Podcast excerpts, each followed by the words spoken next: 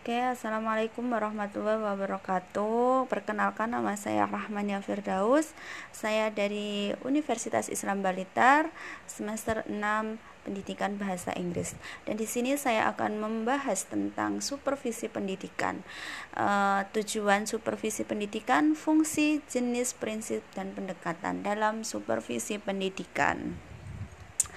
Oke, Sebelumnya kita harus mengetahui tentang supervisi. Pengertian supervisi menurut Ross L. Supervisi adalah pelayanan kepada guru-guru yang bertujuan menghasilkan perbaikan pengajaran, pembelajaran, dan kurikulum. Tujuan supervisi menurut Mulyas 2013 uh, adalah membina kepala sekolah dan guru untuk lebih memahami tujuan pendidikan yang sebenarnya dan peranan sekolah dan merealisasikan tujuan tersebut. Kedua, memperbesar kesanggupan kepada seko kepala sekolah dan guru untuk mempersiapkan peserta didiknya menjadi anggota masyarakat yang lebih efektif. Yang ketiga, membantu kepala sekolah dan guru mengadakan diagnosis secara kritis terhadap aktivitasnya dan kesulitan belajar mengajar, serta menolong mereka merencanakan perbaikan. Yang keempat, meningkatkan kesadaran kepala sekolah dan guru serta warga sekolah lain terhadap cara kerja yang demokratif dan komprehensif, serta memperbesar kesediaan untuk tolong-menolong uh, itu tadi uh, sebagian tujuan dari supervisi pendidikan.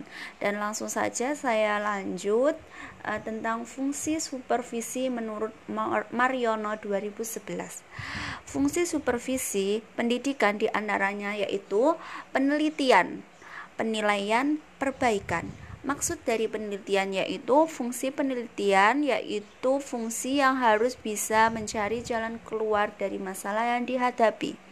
Penilaian, fungsi penilaian yaitu fungsi untuk mengukur tingkat kemajuan yang diinginkan, seberapa besar yang telah dicapai dan penilaian ini dilakukan dengan berbagai cara seperti tes, penetapan standar, penilai, penilaian kemajuan belajar siswa, melihat perkembangan hasil penilaian sekolah serta prosedur lain yang berorientasi pada peningkatan mutu pendidikan. Selanjutnya perbaikan. Fungsi perbaikan yaitu fungsi sebagai usaha untuk mendorong guru baik secara perseorangan maupun sekelompok. Selanjutnya fungsi pembinaan. Fungsi pembinaan yaitu salah satu usaha untuk memecahkan masalah yang sedang dihadapi jenis-jenis supervisi. Jenis-jenis supervisi ya uh, ada tiga menurut Suhar dan 2010 uh, yang pertama supervisi akademik yang kedua supervisi administrasi dan yang ketiga supervisi lembaga. Kita bahas satu-satu ya. Uh, untuk supervisi akademik yaitu supervisi yang menitik beratkan pengamatan supervisor pada masalah akademik yakni hal-hal yang langsung berada dalam lingkungan kegiatan pembelajaran pada waktu siswa sedang dalam proses pembelajaran. Yang kedua, supervisi administrasi, yaitu supervisi yang menitik beratkan pengamatan supervisor pada aspek administrasi yang berfungsi sebagai pendukung dengan peluncur terlaksananya pembelajaran.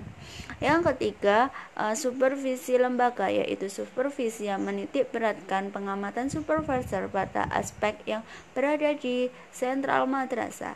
Jika supervisi akademik dimaksudkan untuk meningkatkan pembelajaran, maka supervisi lembaga dimaksudkan untuk meningkatkan nama baik madrasah atau kinerja madrasah.